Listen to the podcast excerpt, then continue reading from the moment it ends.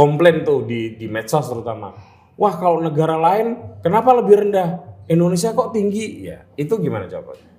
Masa beli rumah bisa beli bisa direncanakan maksud Iya, saya iya. Eh, punya mobil bisa direncanakan khusus untuk ibadah yang diwajibkan sekali ini masa nggak bisa sih kita rencanakan? Tapi semakin ke sini eh antreannya semakin panjang. Iya. Jadi nggak bisa umur 25 tahun baru baru apa namanya baru, baru setor. Sekarang sudah bisa mendaftar di umur 12 tahun. 12 tahun udah bisa. Udah, udah bisa. Pengalaman spiritual banyak orang yang berangkat haji sejak muda. Jadi pada saat dia setelah selesai kuliah, bekerja, terus kemudian dia nyimpen uang, Iya. mengumpulkan punya niat untuk berangkat haji dulu ketimbang dia beli rumah, ketimbang dia beli mobil, beli kendaraan segala macam, itu ternyata setelah dia meniatkan itu dan kemudian dia setorkan 25 jutanya misalnya ya, setelah misalnya anggaplah 25 tahun terus 30 tahun baru terkumpul 25 juta.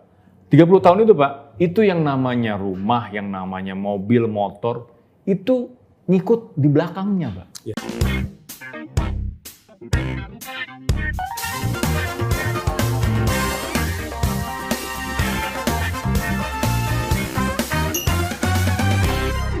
Halo teman-teman, ketemu lagi dengan saya Putu TA, Kepala Suku Mojo dan di siang ini saya bahagia sekali karena ada banyak sekali pertanyaan yang saya ingin saya ajukan kepada narasumber kami yang alhamdulillah bersedia datang ke Jogja.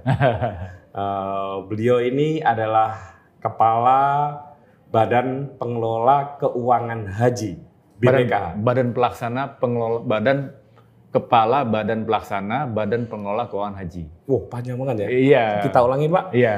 Kepala Badan pelaksana, Badan Pelaksana badan pengelola Badan keuangan Pengelola haji. Keuangan Haji. Iya. Tapi orang biasa taunya BPKH gitu BPKH-nya aja. aja, Ah, iya. ya, oke. Eh, Pak Fadrun ini masih muda sekali, ganteng lagi. Eh, Teman-teman, di antara isu politik panas, copras, capres segala itu sebetulnya ada yang eh, apa ya menjadi perhatian publik, cuma tidak mendapatkan porsi yang baik oleh banyak media karena sempat ada pengumuman yaitu diumumkannya kenaikan ha- apa eh, apa ya biaya haji gitu ya sejumlah awalnya itu kalau nggak salah 105 juta Iya. 105 juta lalu kemudian ya biasa DPR meminta turun kemudian diturunkan jadi 97 atau 95 kemudian semalam saya masih mengikuti 93 saya tidak tahu nanti kita konfirmasi walaupun belum diketok ya Pak ya Belum, belum. diketok ya tapi kira-kira ya paling tinggi rasanya 93,4 ya Pak ya Iya. sebenarnya itu paling tinggi ya. Iya. Nah, persoalannya adalah kan kita pengen tahu nih, satu misalnya, kenapa kok naik-naik terus, Hmm. naiknya nggak sembarangan lagi gitu. Kayaknya tahun lalu sudah naik, ini kemudian naik lagi cukup signifikan. Itu yang pertama. Lalu yang kedua, sebetulnya dana haji yang kita bayarkan sekian belas atau sekian puluh tahun itu diapakan gitu ya, dan digunakan untuk apa gitu. Nah, lalu eh, kemudian yang ketiga adalah siapa yang bertanggung jawab atas pengelolaan dana ini dan dipakai untuk apa saja? Kan nggak mungkin dipakai untuk investasi sembarangan kan Pak ya? Iya. Ada aturannya pasti Iya. gitu ya. Karena ya uang untuk gaji eh, masa eh, mau dipakai investasi untuk yang misalnya yang tidak halal Iya. gitu. Nah, kita langsung ngobrol dengan Pak Fadrun, tapi sebelumnya Pak Fadrun asalnya dari mana? Kalau saya ini sebenarnya besar lahir di Jakarta. Wow. Tapi memang orang tua aslinya Sumatera Barat. Hmm. Papa mama itu dari Sumatera Barat, tepatnya di Kota Pariaman dan Kabupaten Padang Pariaman. Oke. Gitu. Tapi saya asli anak Jakarta Ah. dan asli anak Jaksel. Jaksel. Lahir, besar, sekolah, hampir kerja, hampir punya Oh. rumah di Jaksel. Jaksel. Or selama tempat tinggal sekarang di Jaksel. Di Jaksel juga. Waduh. Eh, SD Jaksel. SD Jaksel, Kalau boleh tahu SD apa tuh? SD Pelita di daerah Jati Padang. SMP 41 di Ragunan, SMA 28 di Pasar Minggu, Waduh. sekolah di UI, UI. kuliah di UI. Jadi kalau kalau keluar dari ibaratnya keluar dari kecamatan Pasar Minggu, keder saya, Pak. Eh masuk UI eh, 94 ya Pak ya? 94. 94. Saya 94 di Fakultas Hukum dulu. Dihukum dulu Oh, iya. di- setahun di UI. Oh, biasanya ini ya, sebetulnya incarannya nggak dapet. ya kan? Iya. Ini incar incar ekonomi, Iya. terus pilihan kedua hukum gitu. eh incarnya waktu tahun pertama awal-awal tuh teknik apa saya sampai lupa teknik-teknik apa itu. Iya, iya, iya. Saking ternyata memang nggak dibolehin sama Tuhan karena teknik apa aja udah lupa gitu kan. Akhirnya hukum dapat hukum UI. Oh, belum langsung ekonomi. Belum, 95-nya baru masuk ke ekonomi. Ke- Kalau boleh tahu kenapa? Kan jadi lawyer juga nggak kalah keren tuh.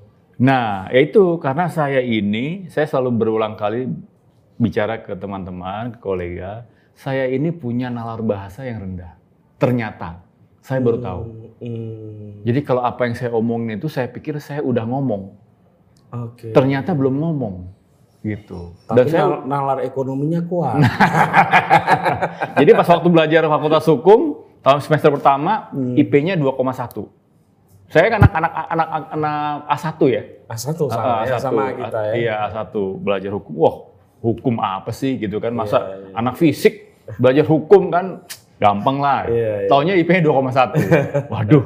Terus akhirnya saya belajar keras dengan apa namanya? perjuangan yang luar biasa, naik IPK-nya. Jadi IP-nya jadi 2,2. Di situlah saya memutuskan, oh ini nggak cocok ini. Iya. Saya pindah ke ekonomi, alhamdulillah dapat. Dapat. Padahal masuk fakultas ekonomi kan jauh lebih susah dibanding masuk fakultas hukum ya. Karena saya nggak tahu kalau ternyata guru besar itu, yang menteri-menteri itu ada di ekonomi. Hmm, Saya nggak ngerti. Saya dulu waktu masuk A1 kan kita orang teknik kan, bawaannya teknik aja kan. Iya iya iya. Ekonomi apaan sih ekonomi gitu kan? Iya iya. Ya, pas baca di pas jadi masuk di hukum itu kan dapat agenda kan, agenda UI dibuka guru besar semuanya. Lah, menterinya ada ekonomi semua kan? Iya, memang. Eh, ya kira-kira apa pun kondisi negara ini kontribusi Fakultas Ekonomi UI ikut berperan gitu. Baik negatif Iya iya maupun iya positif. iya iya iya iya. iya. Oke, eh, lulus eh sorry. Fakultas Ekonominya ngambil jurusan apa? Manajemen, Manajemen. manajemen ya. keuangan. Manajemen keuangan. Iya. Tapi saya baca kayak mendalami syariah juga ya? Iya, Syariah. iya. Jadi setelah saya kan sempat semester 7 jadi asdos. Wow. Asdos gitu ya. Alhamdulillah ma- masuklah IPK-nya untuk jadi asdos gitu ya. Iya. Terus eh, 2001 dikasih kesempatan sekolah eh, beasiswa tapi di MMUI. Hmm. Karena waktu itu even bayar TOEFL aja nggak sanggup, Mas. Serius, bayar Anak- TOEFL tuh nggak sanggup. anak jaksel loh ini. Dulu anak jaksel kan masih pinggiran. Dulu anak menteng kan, bukan anak jaksel yang oh keren. gitu ya? Iya, iya, Iya. Nah barulah kemudian masuk itu terus lama masuk ngelola da, fund syariah, reksadana syariah, gitu kan. Terus saya lihat Maaf mengelola reksadana syariahnya di mana? di PNM. Boleh nyebut nama ya? Apa-apa. Oh iya di PNM. Oh di PNM, Ah, saya- bukan di waktu jadi asdos itu. Enggak, jadi setelah jadi asdos selesai tetap ngajar tapi saya berkarir jadi dosen luar biasa biasa di luar. Oh, ya. Jadi di luar terus. proyekan.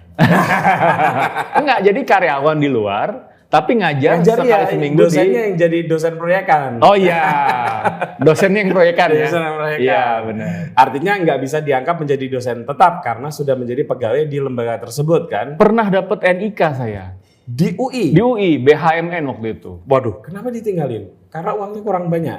Buk, eh, ini saya mau sekolah waktu itu, terus kemudian ditanya sama dekan yang sekarang sudah dulu masih Pak, saya ingat lah, nggak nggak usah disebut lah. Iya, Jadi iya, iya. ditanya gitu, Fadul, kamu dapat mau dapat beasiswa? Dulu belum ada LPDP, Hmm. ada namanya dulu Pak SBY mau bikin namanya Presidential Scholarship.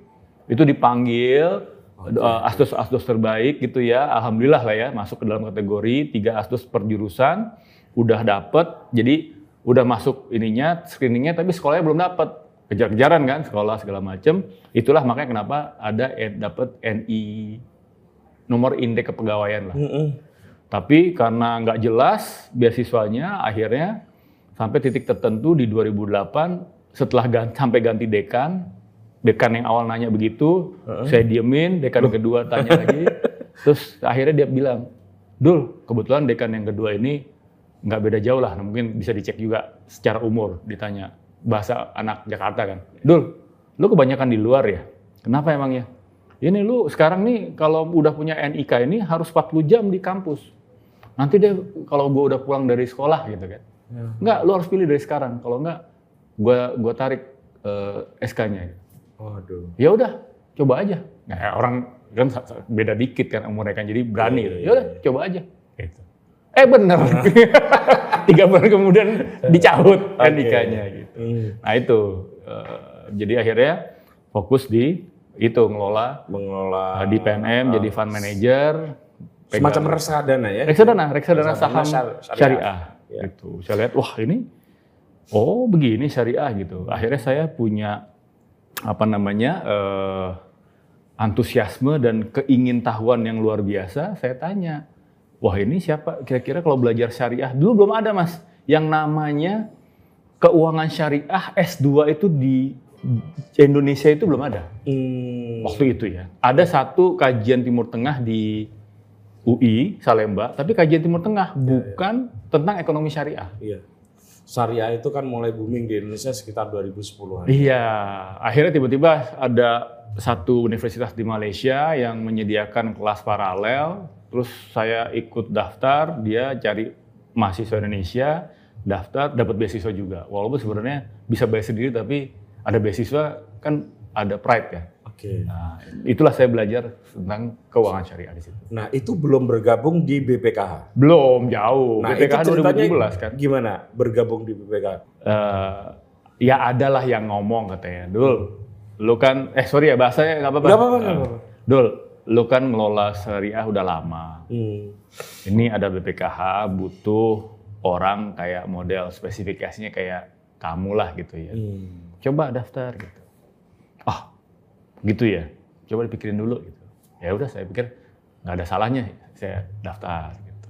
Itu tahun 2017. Dua, enggak, itu 2000 berapa? 2022 ya? 22. Loh, Anda 2017 saya belum masuk, Pak. 2022. Heeh. Baru 2022 itu baru tahun kemarin. Iya, memang, memang. Sekarang Anda sudah jadi kepalanya.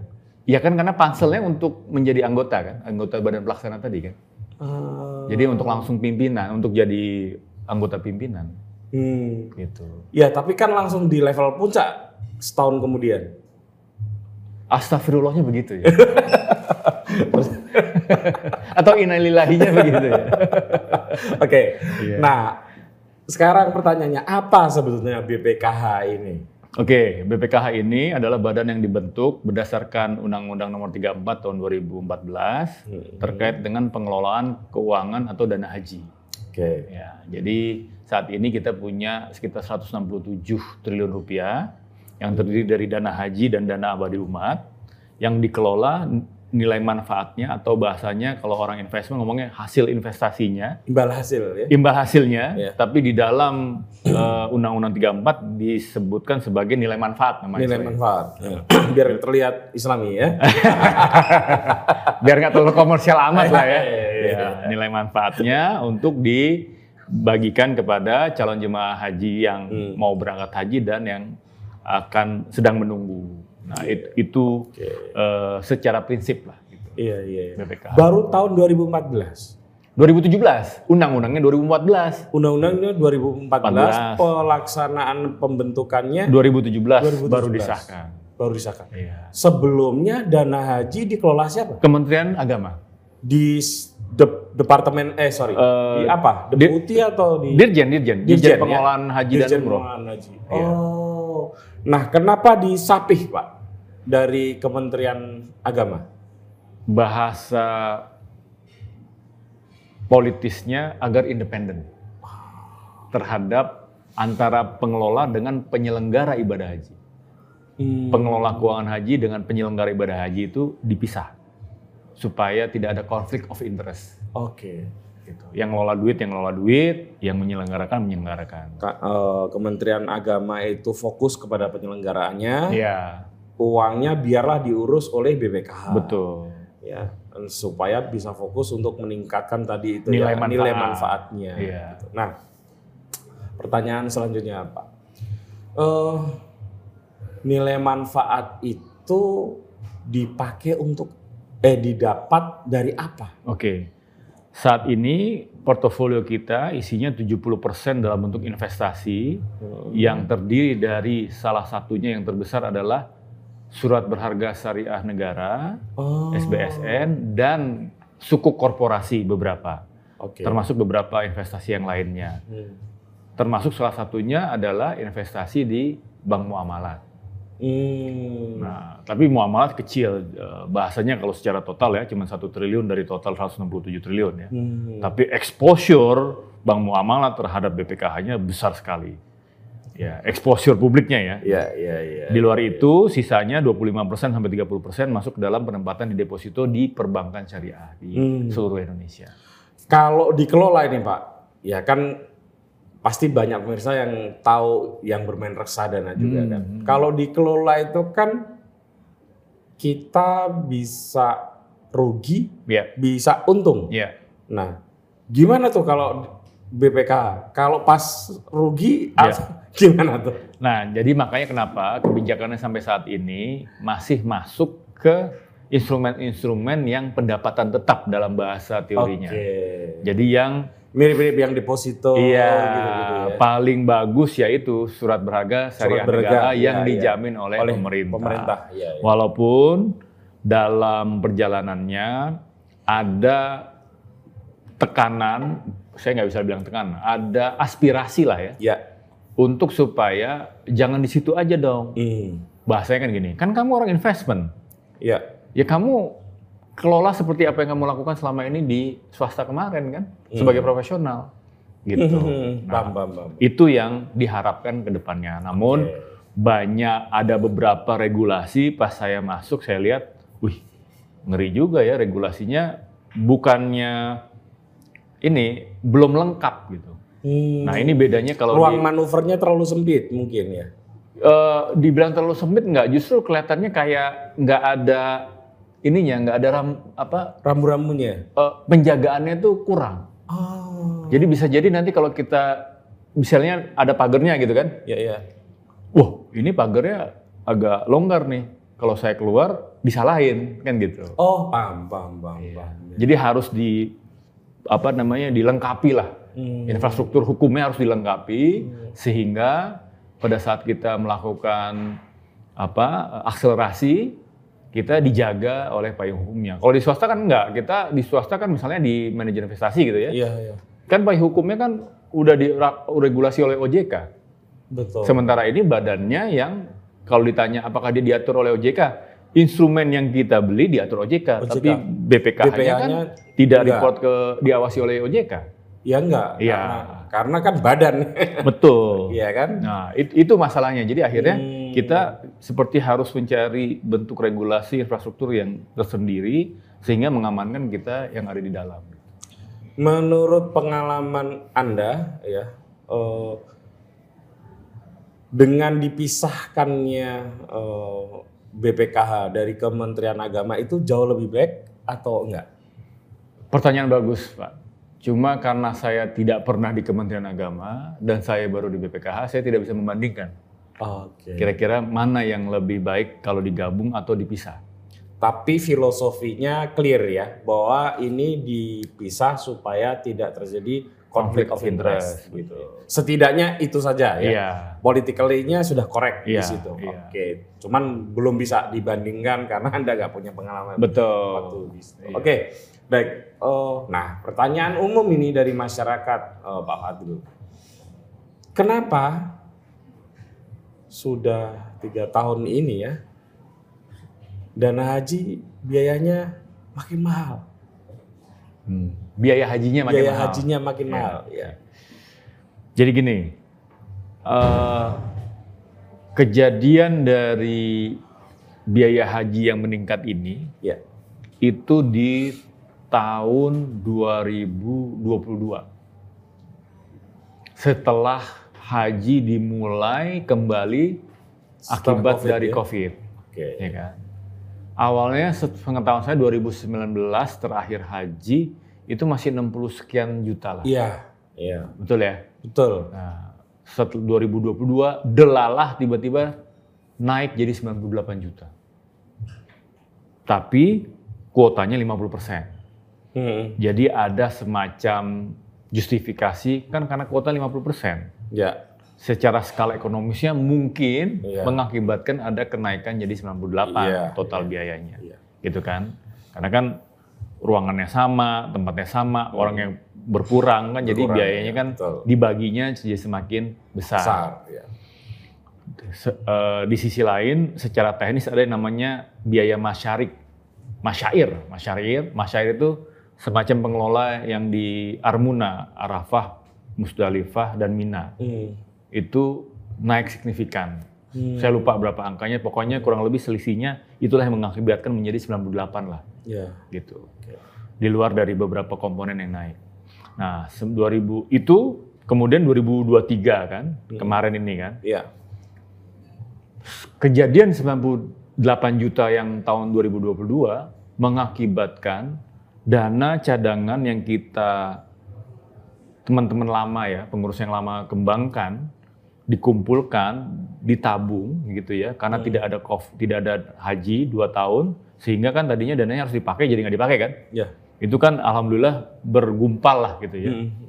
Nah, bergumpal ini menjadi cadangan. Itu di 98 tiba-tiba ada penarikan yang cukup besar dari cadangan tersebut. Nah, setelah Penarikannya kenapa? Karena kan harus kan nggak bisa orang berangkat langsung karena 98 berarti kan ada yang harus ditambal kan orang yang Iya. berangkat kan? Oh, yang dulu misalnya 60 pas bayar, Heeh. ketika jadi 98 harus nambah 30 eh Lebih lagi. 28. Iya, Iya kan? iya. 28. Tidak semua orang punya uang 28. Iya. Itu dia tarik dananya. Itu diambil dari nilai-nilai manfaat yang ditabung selama dua tahun tadi. Hmm. Yang sebenarnya itu milik orang yang menunggu. Iya, iya, iya. Iya kan? Kan jamaah menunggu harusnya. Iya. Dibagikan sebagai buat untuk orang yang menunggu kan. Iya, betul. Tapi karena kebijakan politik anggaran sehingga itu dialokasikan untuk orang yang berangkat sebagian besar dalam tanda kutip. Oh. Nah, 9 2023 pas kami Sebentar, Pak. Masih Iya. belum jelas saya. Iya. Kan jadi 98 juta tuh Iya. berangkatnya. Iya. Tahun kemarin ya. 2022 belum 2023 Iya, 2022 kan tahun tahun ini iya tahun kemarin ya. Saya 2023 ya. Soalnya tadi pagi tadi malam penetapan BPIA 2024. 2024. Iya, Ah, oke. 2022. Nah, jadi yang dulu bayar 60 itu Hmm. tetap 60 atau dia nambah 28? Enggak, kan 25 juta doang kan setoran awal kan. Dan setoran akhirnya Oh, waktu sorry. itu Setoran awalnya 25. Yang 60 itu ditombokin kan Nah, gitu. kan biasanya jadi dikasih karena manfaat nilai manfaat. selama ini setoran lunasnya itu kan 10 juta. Oke, berarti 35 35 juta. Juta. Delalah jadi se- tadinya sisanya kalau umur kalau dananya apa hasilnya BPI hanya 60 juta, berarti kan sisanya cuma 25 juta aja yang di cover oleh BPKH kan. Oke. Tiba-tiba jadi 98. Nah, 98 ini BPK yang mengcover semua atau yang naik haji calon atau calon haji ini juga ikut nambah? 98 tidak ada kebijakan untuk menaikkan setoran lunas. Jadi 10 jutanya tetap 10 juta. 25 juta di awal, tetap 10 juta plus 10 juta yang di Oh, akhir. berarti yang dikeruk uangnya dari BPKH. Iya, dan itu bukan uang BPKH, itu uang jamaah haji yang haji yang menunggu. menunggu. Iya, pasti. Maksudnya uang BPKH itu uang Iya. yang uang dari jamaah haji, haji. iya. Oh. Kebayang berapa Begitu. triliun yang harus dimakan? Kebetulan tahun 2022 kan cuma 50 Tidak terlalu besar yang diambil, karena kan cuma 50 Ya tetap besar juga sih Pak ya. Ya. Karena kan jumlahnya jaraknya terpaut jauh tuh. Iya. Iya, iya, iya. Nah. Oh itu jadi mungkin ya para pemirsa ya itu yang menjelaskan ya Eh, jadi yang tahun kemarin itu nggak ada penambahan dari calon jamaah haji ya. 2022. 2022 Nggak nggak ada. Jadi calon jemaah haji itu tetap hanya melunasi 10 juta aja. Iya. Kan setoran awalnya 25 juta Iya. gitu. Oke. Nah, sekarang dengan yang di tahun 2023 gimana? 2023 karena terlihat tadi kan 50%. Tuh. Terus kuota penuh kan. Ya, Wah, gede juga nih kalau misalnya harus di cover semuanya kan. betul. Iya kan? Ya walaupun BPIH-nya turun dari 98 jadi 90 juta. Setelah negosiasi panjang dengan Kemenak, Iya. akhirnya dari 98 menjadi 90 juta. Oke. Tapi kan tetap 98 juta, 90 juta, Ya, tetap gede loh. 25 plus 10 kan 35. Betul. Kan berarti harus ada kekurangan sekitar berapa? Eh, dua- 90 kurang 25 kan? Iya. 65 juta kan? Mm-mm. Harus di cover oleh yang berangkat kan? Harusnya. Mm, Orang-orang yang mau berangkat kan? Iya. Udah pasti banyak yang batal pasti. Karena 65 juta tiba-tiba suruh bayar ya. Instead of dia bayarnya cuma 10 juta. Iya. Akhirnya gimana? Diambillah dari nilai manfaat yang ditabung selama COVID kemarin. Hmm. Iya tambah gede dong. Pas kita lihat angkanya, wah kalau begini ceritanya nggak sustain nih keuangan haji nih. Betul, betul. Di sampai dengan minimal lima tahun ke depan Oke. bisa minus gitu kan? Iya. Ya, gimana caranya? Itulah maka kenapa kemudian kita berjibaku dan kita menjelaskan sedetail-detailnya kepada stakeholder utama kita. Kebetulan Kementerian Agama juga kita dapat dukungan penuh gitu ya untuk menyuarakan bahwa 70-30 awalnya kan. 70 persen 70% dibayar jamaah haji, jamaah haji 30 persen dari nilai manfaat. Iya, gitu. Oke. Tapi kan gede juga, 70 dari 90 juta kan berapa tuh? 63 juta kan? Gede, gede, gede. 63 juta dikurangin 25 juta, masih gede juga kan? Bisa nggak berangkat kan? Heeh. Akhirnya negosiasi, negosiasi, negosiasi, keluarlah angka 5545. Yang 55 persen adalah calon jamaah haji. haji, 45 persen dari nilai manfaat. Ya, yang sekarang jadinya yang berat yang BPKH. Iya. Karena menjadi 45 persen kan. Iya. Untuk mendapat harus mengelola kira-kira kan harus mengelola nilai manfaat supaya bisa memberi 45 persen betul. kepada calon jamaah haji yang mau Betul. berangkat. Betul.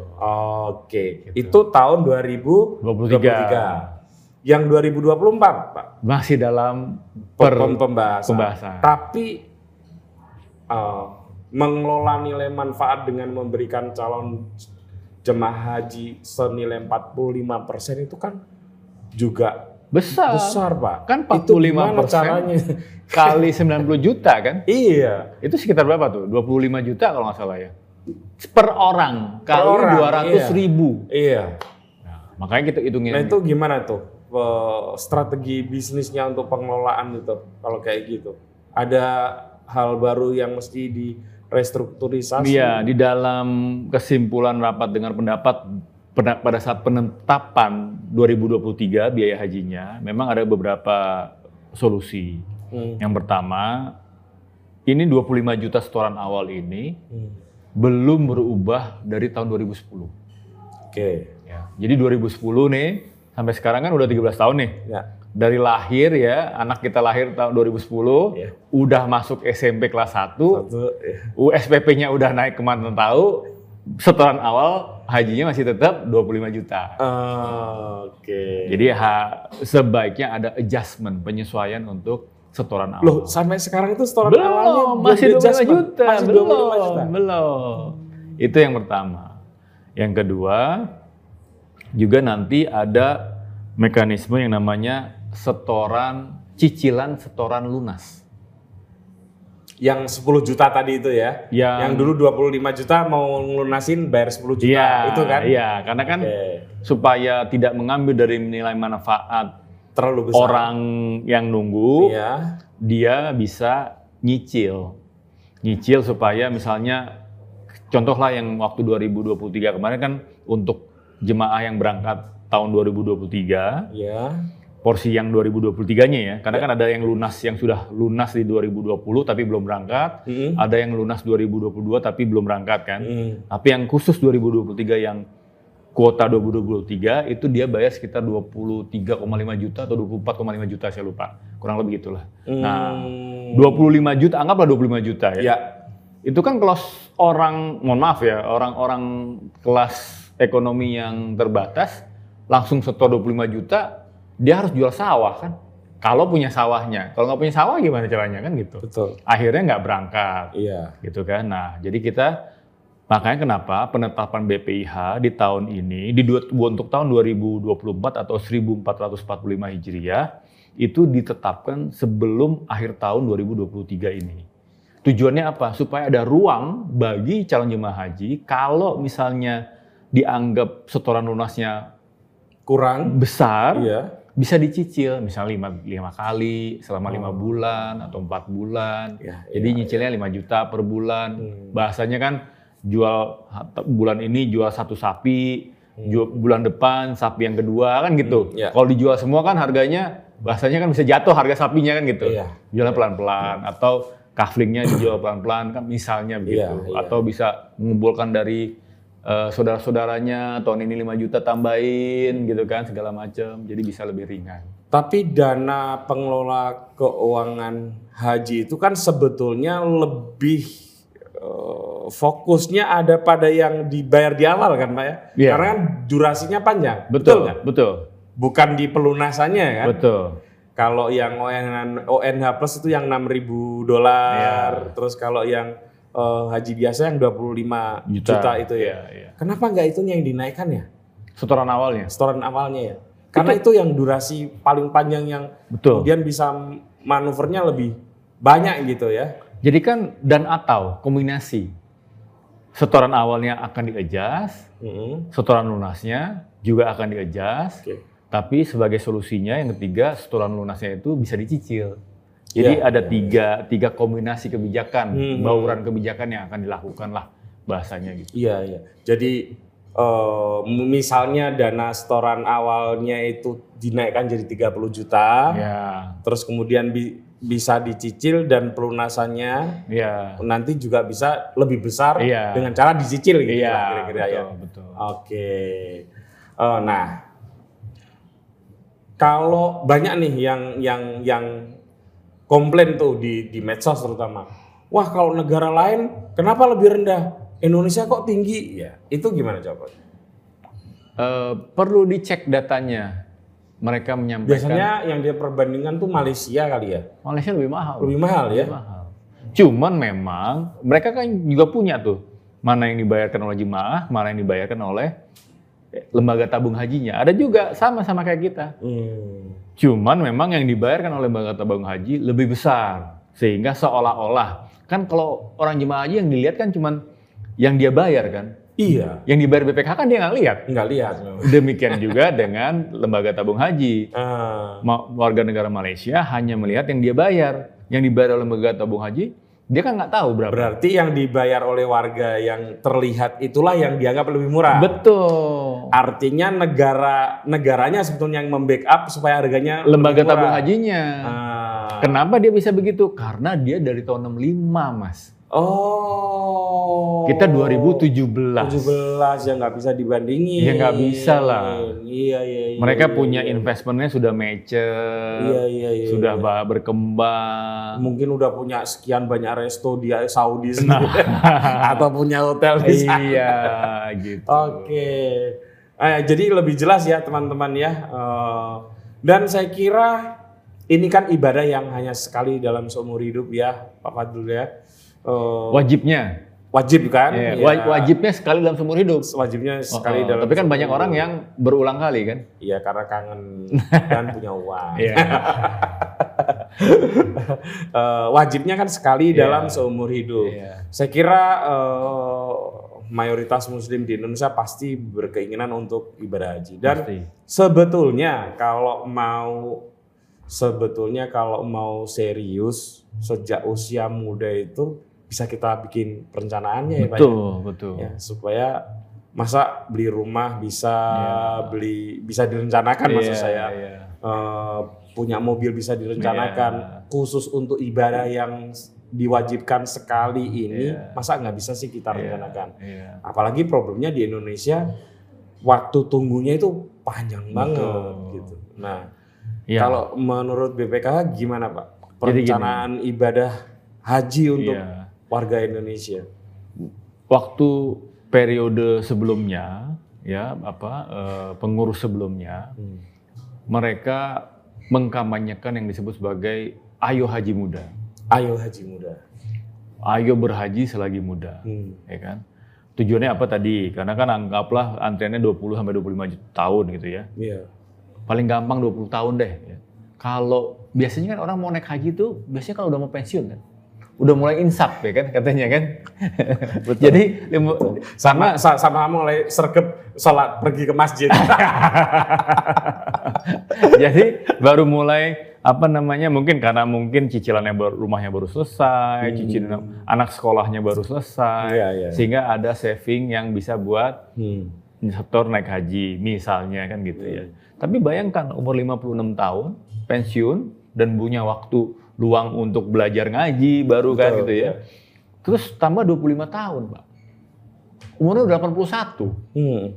sampai di sana 81 ya penyakit kan udah borongan semua kalau udah begitu kan. Betul. Ya kecuali kalau dia menjalankan hidup sehat kan gitu. Iya. Jadi Tapi kalau- kita ambil rata-rata lah, Pak. Ah. Iya, iya kan? Iya, makanya. Umur 70 tahun aja sudah ya kita harus akui ya, Iya. ada hal yang tidak bisa kita lawan yaitu Betul. usia. Betul.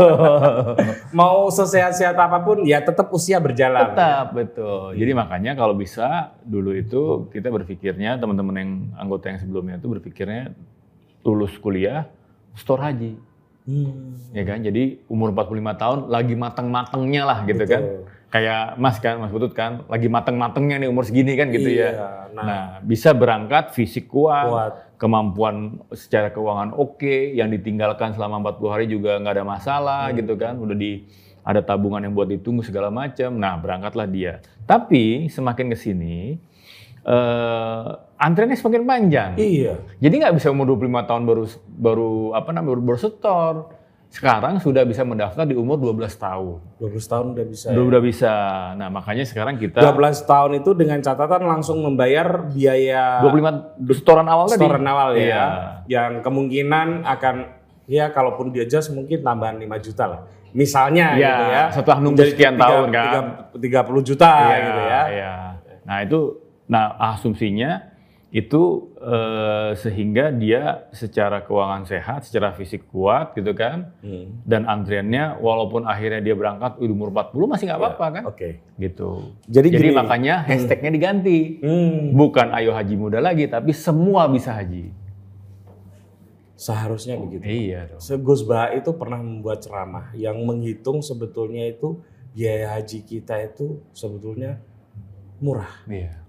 Kalau kita mau serius. Nah, Dan itu sebetulnya bisa dibuktikan di masyarakat Madura, Pak. oh gitu ya. Iya kan? Masyarakat Madura itu kan sejak remaja sudah nyelengin itu No. untuk pergi haji itu. Iya, iya. Dan terbukti mereka bisa tanpa harus mohon maaf ya, menjual banyak aset ya. Iya. Kan ada daerah-daerah tertentu yang pergi haji dengan cara menjual aset mereka. Iya. Sebetulnya kalau dipersiapkan lebih mudah bisa. Saya kasih contoh saya sendiri nih, Pak. Hmm, Saya sebenarnya agak telat. Pak. Karena saya berkeinginan untuk haji itu ketika sudah 40 tahun. Oke. Itu setelah saya pikir, ah nggak mungkin saya haji biasa. Akhirnya saya mendaftarkan haji Plus. plus gitu ya. Masih, insya Allah masih cukup sehat lah Iya, kalau kalau Allah mengendaki ya. Dalam hitung-hitungan manusia saya berangkat kira-kira dua atau tiga tahun lagi. Oke. Oke, tapi saya kemudian membayangkan nih, bagaimana dengan karyawan-karyawan Mojo Iya. atau teman-teman saya yang lain Iya. yang usianya 25 sudah bekerja, Iya. 27 gitu ya, atau anak saya. Iya. Eh, ternyata kan anak saya juga menabung, Pak. Iya. Anak saya itu sekarang baru mau masuk SMP, Oke. kelas 6. Iya. Dia punya tiga jenis tabungan. Iya. Yang satu tabungannya saya cek ya, itu sudah sekitar 12 juta. Pak. Wow, bagus dong. Ya artinya sebetulnya dia SMP lulus nanti bapaknya kalaupun toh mau nambahin nggak banyak Nggak besar, lah iya. gitu loh. Iya, iya. Iya kan? Iya, iya. Jadi sebetulnya kebiasaan kita untuk menabung dan kemudian mendaftar sejak awal itu lebih lebih baik saya kira. Betul. Dan ada satu lagi eh, pengalaman spiritual banyak orang yang berangkat haji sejak muda Jadi pada saat dia setelah selesai kuliah, bekerja, terus kemudian dia nyimpen uang, Iya. mengumpulkan punya niat untuk berangkat haji dulu ketimbang dia beli rumah, ketimbang dia beli mobil, beli kendaraan segala macam, itu ternyata setelah dia niatkan itu dan kemudian dia setorkan 25 jutanya misalnya ya, setelah misalnya anggaplah 25 tahun terus 30 tahun baru terkumpul 25 juta. 30 tahun itu Pak, itu yang namanya rumah, yang namanya mobil, motor, itu ngikut di belakangnya Pak. Iya, ada ada ada halal spiritual. Dibuka seperti itu. pintunya Iya, betul. atas 20, cuman 25 juta. Tadinya pikir ah ini buat cicilan rumah, setoran awal rumah kan. Iya. Pindahin jadi setoran haji. Itu nggak lama Pak, setoran rumahnya datang Pak. Betul. Gitu. Itu yang kita sedang, itu banyak sekali pengalaman spiritual yang sebenarnya bisa di-share lah. Kalau saya semenjak saya pulang dari umroh dan mendaftar haji bukan berarti apa ya, oh, bukan berarti sombong ya Iya. Pak. Tapi saya selalu bilang ke teman-teman terdekat saya, eh, kira-kira begini, kalau kita bisa nyicil rumah, bisa piknik setiap tahun ya, eh, kita kan nggak tahu umur ya Pak ya. Iya. Kalau kita sudah mendaftar itu kan sudah dicatatnya kalau Iya. kita eh misalnya meninggal dunia Pak Iya. kita kan dari sisi fikih sudah dicatat Sudah ini orang sudah haji. sudah haji Betul. gitu loh. Nah itu yang selalu saya ingatkan kepada Iya. teman. Oke ditunda dulu deh dua tahun pergi piknik ke luar negerinya Iya. gitu kan. Iya. Sekali piknik ke luar negeri kan 25 juta Iya. juga pak. Iya. Iya kan? Mendingan setor buat Mending haji. setor haji. Iya. Nah saya cuma mengingatkan Iya. sebatas itu. Tapi Iya. saya sering ingetin teman-teman Iya. dekat saya Iya. supaya kalau terjadi apa-apa di diri kita nih sebagai seorang muslim Hmm. eh, ya kita sudah tercatat walaupun mungkin kita ngantri masih lama Iya. gitu. syukur kalau bisa ONH plus bagi yang sudah terlalu telat seperti saya Iya, gitu. iya. karena kalau saya nunggu kan wah terlalu tua pak kalau saya daftar tanpa memikirkan kita misalnya ya kita pikir saya nggak tahu ini positif atau bagaimana. Kita nggak mikir misalnya yang penting saya udah store dulu sebelum saya meninggal. Nggak usah mikir itu dulu pak. Bapak store aja itu nggak usah kepikiran itu. Yang lain pak pintunya udah kebuka pak gitu ya iya panjang umur murah rejeki Iya. gampang jodoh setidaknya untuk hati orang-orang tertentu itu lebih plong pak kalau saya Oh, ya iya. lebih lebih enak Iya, menjalani iya, iya, hidup iya. gitu Iya, iya, iya, iya, iya. lah ya kan kadang-kadang apa ya ya hal-hal seperti itu kan Iya. memang ada ya Iya, iya, cuma kalau secara dari sisi psikologis bagi orang seperti saya udahlah sekarang mau ngapain gitu misalnya mau piknik apa gitu nggak kebebani oh iya benar gitu ya Iya. mau mau ganti mobil misalnya Iya. nggak terbebani Iya. kalau dulu dulu ini gimana sih saya mau ganti mobil tapi belum kan naik haji saya belum naik haji iya itu kok nah itu kan ini kan kewajiban Iya. bagi yang mampu padahal saya mampu Iya. Ya, kan sering orang merasa tidak mampu Iya. padahal mampu. Mampu. karena kalau dihitung nabungnya pak let's say usia orang anak menabung itu sep- 10 tahun deh Hmm. Itu kan untuk nabung itu kan nggak banyak pak iya benar kalau mau konsisten Iya, ya iya, gitu iya, iya. betul itu yang dilakukan anak saya Iya, selalu. iya, iya, iya, Ya, iya, iya. dia pengennya sih umroh Iya. ya ya udah ya insya Allah umroh deh gitu Iya, iya. tapi dia nabung gitu dia buktikan sejak kelas 3 SD Iya. dia menabung untuk umroh Iya, Gitu. iya, iya, iya. dan saya kira ya nggak terlalu berat ternyata Iya, betul. Jadi- betul. Tuhan itu ternyata nggak membebankan sesuatu yang terlalu berat Iya. Kitanya aja mikirnya kita berat. aja, kita aja yang kadang-kadang salah-salah ya tapi ini kan omongan yang orang sudah sudah usia lebih dari 40 tahun Iya. cuma kalau bisa kita mengingatkan. Iya, iya. Saya pikir masih 35, Mas. healing terbaik saya kira ibadah ke sana Iya, betul. dan eh, oke ini eh, terakhir Pak Fadil Iya. apa tantangan eh, apa ya ini memang agak agak keluar konteks sedikit ya Mm-mm. tantangan dari makin banyaknya masyarakat Indonesia ya yang punya kesadaran spiritual yang lebih baik lalu pengen haji dan hajinya nggak hanya sekali Mm-mm. berkali-kali Mm. gitu Iya. nah itu eh mengganggu nggak sih terhadap apa entah itu kuota Iya. entah itu apa gitu Iya. Jadi gini, di satu sisi antrian yang panjang itu memang memberikan tantangan buat orang yang mau berhaji kan. Betul. Wah, lama banget nih gitu kan. 20 tahun kalau iya gue masih punya umur kan gitu ya. Betul. Nah itu satu sisi. Ada yang 30 tahun bahkan di Bantaeng itu di Sulawesi Selatan 48 tahun Pak Iya. nunggunya kan. Iya. Jadi orang daftar aja udah Sulawesi Selatan tuh Iya, antriannya luar biasa.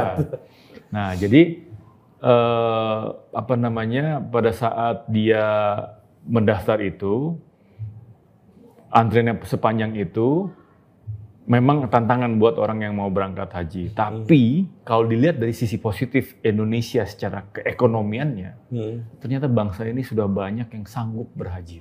Hmm. Sanggup menyetor 25 juta Iya. untuk berhaji. Iya. Itu kan positif kan sebenarnya. Iya. Iya.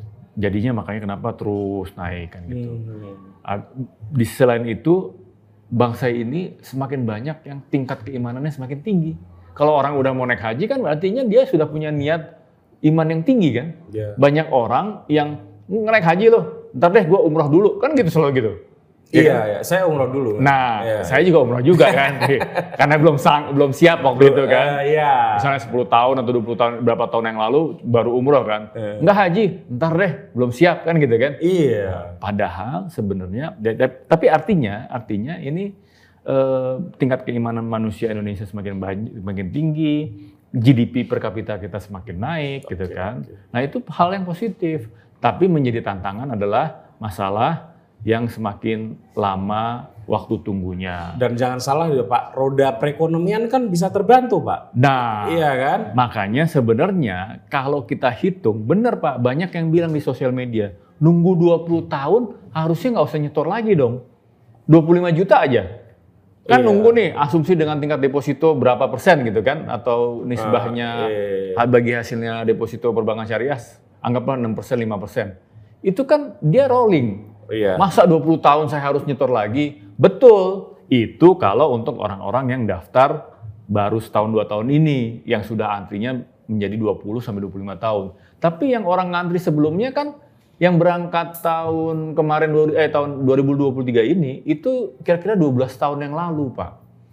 Iya, tapi Yang- argumen yang itu daftar. sebetulnya agak keliru juga Pak. Ah. Karena kan nggak memikirkan sistem manajerialnya dan Iya. lain-lain kan. Iya. Itu kan ini ini pergi ke satu tempat dengan jutaan orang loh kan bukan kayak pergi ke Iya. Singapura atau Iya. ke mana kan beda dong Iya, urusannya. iya, iya. Nggak sesimpel itu juga ya, kan. ya itulah makanya. Jadi eh, jadi artinya orang-orang yang yang kalau mau memang nanti berpikir nggak bakal bayar lagi ada setoran lunasnya itu buat orang yang nanti bukan orang-orang yang setahun dua tahun ini daftar atau tiga tahun ini daftar. Tapi yang sekarang mereka daftar de- 10 atau 12 tahun yang lalu mereka tetap masih harus nyetor tambahan lunasnya lebih tinggi. Karena apa? Karena ini waktunya kan sempit. Betul. yang dikelola kan nggak banyak. Dan jangan ing- jangan lupa loh virtual account itu baru dibuka 2018 jadi hasil investasi yang dibagikan kepada calon jemaah haji itu 2018 baru. Sebelumnya belum ada, Pak. Hasil investasi yang dibagikan. Orang 25 juta itu di Kemenak itu sebagai registrasi bookingan seat, Pak. Hmm. Bukan untuk dikelola dan Dikelola. diinvestasikan, Hmm. bukan. Karena dulu nggak ada antrian. Iya iya iya. Jadi ha- pola pikir itu yang sebenarnya Iya. masyarakat juga harus tahu gitu. Oh, iya. Karena kan orang mikir, "Ih, ini harusnya nggak boleh nambah, nggak perlu nambah lagi. Mas dulu waktu sampean nyetor tahun berapa? Mm-mm. Itu tuh belum dihitung. Argo untuk nilai manfaatnya belum ada perhitungannya. Undang-undang yang baru 2014. Apalagi kita kan belum tahu laju inflasi, Exactly, apa itu. dinamika Iya. perekonomian. Kalau ini kan dibikin saklek enak Iya. gitu loh. Kalau udah 25, 25 nanti nambahnya sekian kan udah Iya. Dibikin pasti Iya. gitu ya. Yang bertanggung jawab sudah ada sendiri, Anda dan rekan-rekan. Iya, kan? iya, iya, iya. Oke, eh, pertanyaan-pertanyaan sederhana lagi Pak menjelang akhir. Kalau mendaftarnya itu haji biasa, Hmm. terus tiba-tiba taraf ekonominya naik nih, Mm-mm. bisa nggak di-adjust ke ONH Plus misalnya? Gitu-gitu gimana tuh? Nyetor ulang, Pak. Daftar ulang kalau mendaik Daftar dia, ulang? Daftar ulang. Nah yang uangnya yang pertama gimana? bisa diambil. Oh bisa diambil. Bisa diambil. Dengan nilai Oh. manfaatnya bisa diambil. Oke teman-teman ya kan ada tuh yang ya baru punya uang segini ya udahlah yang dipikir pokoknya terdaftar dulu haji Iya. gitu ya. Tapi kan taraf hidup manusia nggak ada yang tahu ya Pak ya Betul. tiga tahun empat tiga tahun kemudian Ya. punya cukup uang gitu Iya. ya. Oke, terus kemudian Itu bagus juga poinnya karena bisa jadi nanti kan sekarang gini ya. OEH plus itu dulu waktu tunggu mungkin 2 3 tahun, 4 5 tahun. Sekarang udah 8 tahun, Pak. Iya, saya tujuh pak. Karena apa? Karena orang-orang itu orang masyarakat Indonesia udah semakin dimampukan Iya, sehingga dia bergeser. Ah, kelamaan gue nunggu 20 tahun. Hmm. Gue tarik aja kan ini minimal 6 tahun. Dia pindah begitu kan. Iya. Yang pindah begini, Pak, bukan satu dua orang. 10 ribu orang, ya jadi jadi 8 tahun kan. Betul. Nah, nanti bisa jadi ke depannya jadi 10 tahun.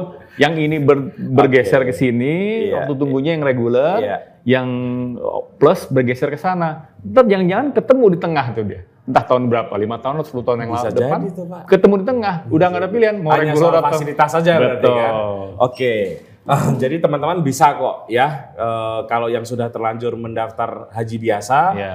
untuk kemudian naik eh, ONH plus. ONH plus karena mungkin mengingat usia Ya. atau kemampuan ekonomi Sudah gitu ya, membaik, ya. sudah mulai membaik. Ya.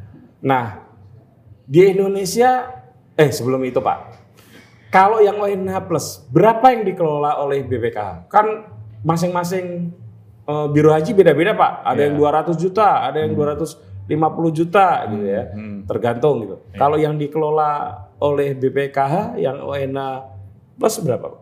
Dia berbeda-beda tergantung travelnya juga. Sama. Jadi gitu? iya, Bukan yang 6.000 dolar itu. bervariasi. Oh, bervariasi oh, tergantung bervariasi. travelnya juga. Oh, jadi setiap travel bisa bikin agreement terhadap eh, BPKH? Iya, karena kan yang penting kan kuotanya kan kuotanya Kemenak kan. Iya, iya. Kuota Kemenak yang nanti mandatorinya kan dijadikan virtual account di BPKH juga kan. Jadi Hmm. ya berapapun itu tetap eh, masuk ke dalam virtual account. Kan kalau ONH Plus ada yang dananya dikelola oleh oleh biro travelnya kan? Nggak ada pak, sama kita semua. Semua? Semua.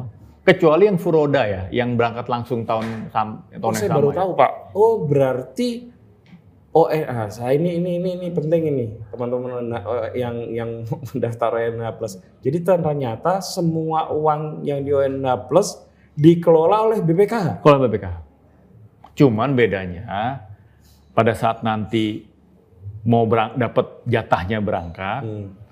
dia bayar penuh, tidak ada eh, apa namanya eh, nilai manfaat. Nilai manfaatnya ada, tapi biasanya lebih kecil, Iya iya iya atau nambah sedikit Mas. nambah sedikit gitu. Oh, terus gimana tahu BPKH bahwa biro itu si A sudah menambah eh, apa dananya? Ng- ng- Nggak nambah dananya pak. Jadi kan misalnya anggaplah, Enggak, misalnya begini Pak, Ah. contoh gampang.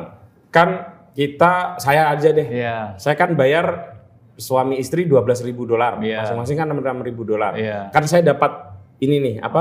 eh, antrian, Antrian haji. Iya. Ya. Lalu kan setiap tahun saya nyicil. Setiap Iya. bulan deh. Saya Iya. nyicil misalnya 5 juta, 10 juta tergantung rezeki lah. Iya. Kadang 3 juta. Iya. Gitu Nyicil kan. ke mana itu? Ke ke biro ya ke Nah, ke kalau itu dong, Pak. kita cuman setoran awalnya aja, Pak. Ah. Kita cuma setoran Kan awal. kita nggak tahu kalau nyetor di PPKH caranya gimana.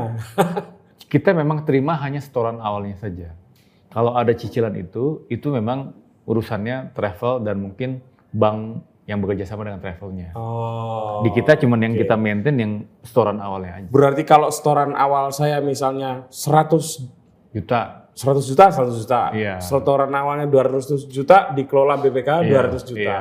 Jadi Pak yang dikelola di ONH Plus itu sebetulnya bukan 6.000 ya Pak ya? Bukan, cuma 4.000. Cuma 4.000, ya. Setoran Jadi, awalnya oke. cuma 4.000. Jadi waktu misalnya beberapa tahun lalu saya dan istri mendaftar 12.000 dolar Iya. gitu ya. Iya. Berarti yang 6.000 di- per orang kan? 6.000 per orang, Ah. berarti yang 8.000 yang dikelola oleh BPKH. BPKH. Iya. Oke. Kalau kita nyicil itu sudah urusan travelnya. Travelnya. Oke, oke, oke. Itu jelas Pak. Nah, Iya. iya, ini kalau ini yang sekarang ini yang terakhir sekali. Iya. Apa itu Haji Furoda? Oke. Nah, itu kan makin marak ini sekarang dan makin banyak orang yang berebut nih. Iya. Menunjukkan makin banyak orang kaya juga, Iya, Pak. iya. Haji Furoda itu konon kabarnya haji undangan dari Hmm. kerajaan. Oke. Dan yang pasti dia bisa berangkat di tahun yang sama. Tapi tidak ada hubungan dengan Dirjen PHU, Kemenak dan tidak ada hubungannya dengan BPKH. Hubungannya langsung dengan travel agentnya. Travel agentnya, Oke. yang konon kabarnya travel agentnya yang dapat jatah, Jatah. dari undangan kerajaan. Sehingga kalau ada masalah di dalam haji furuda tidak bisa Bukan tanggung jawab bukan tanggung jawab pada, bukan pada tanggung jawab kita juga, ya bukan. Tanggung teman-teman ya. Iya. Kan makin banyak nih, mas sebentar lagi kan ada musim haji juga nih tahun ini gitu ya.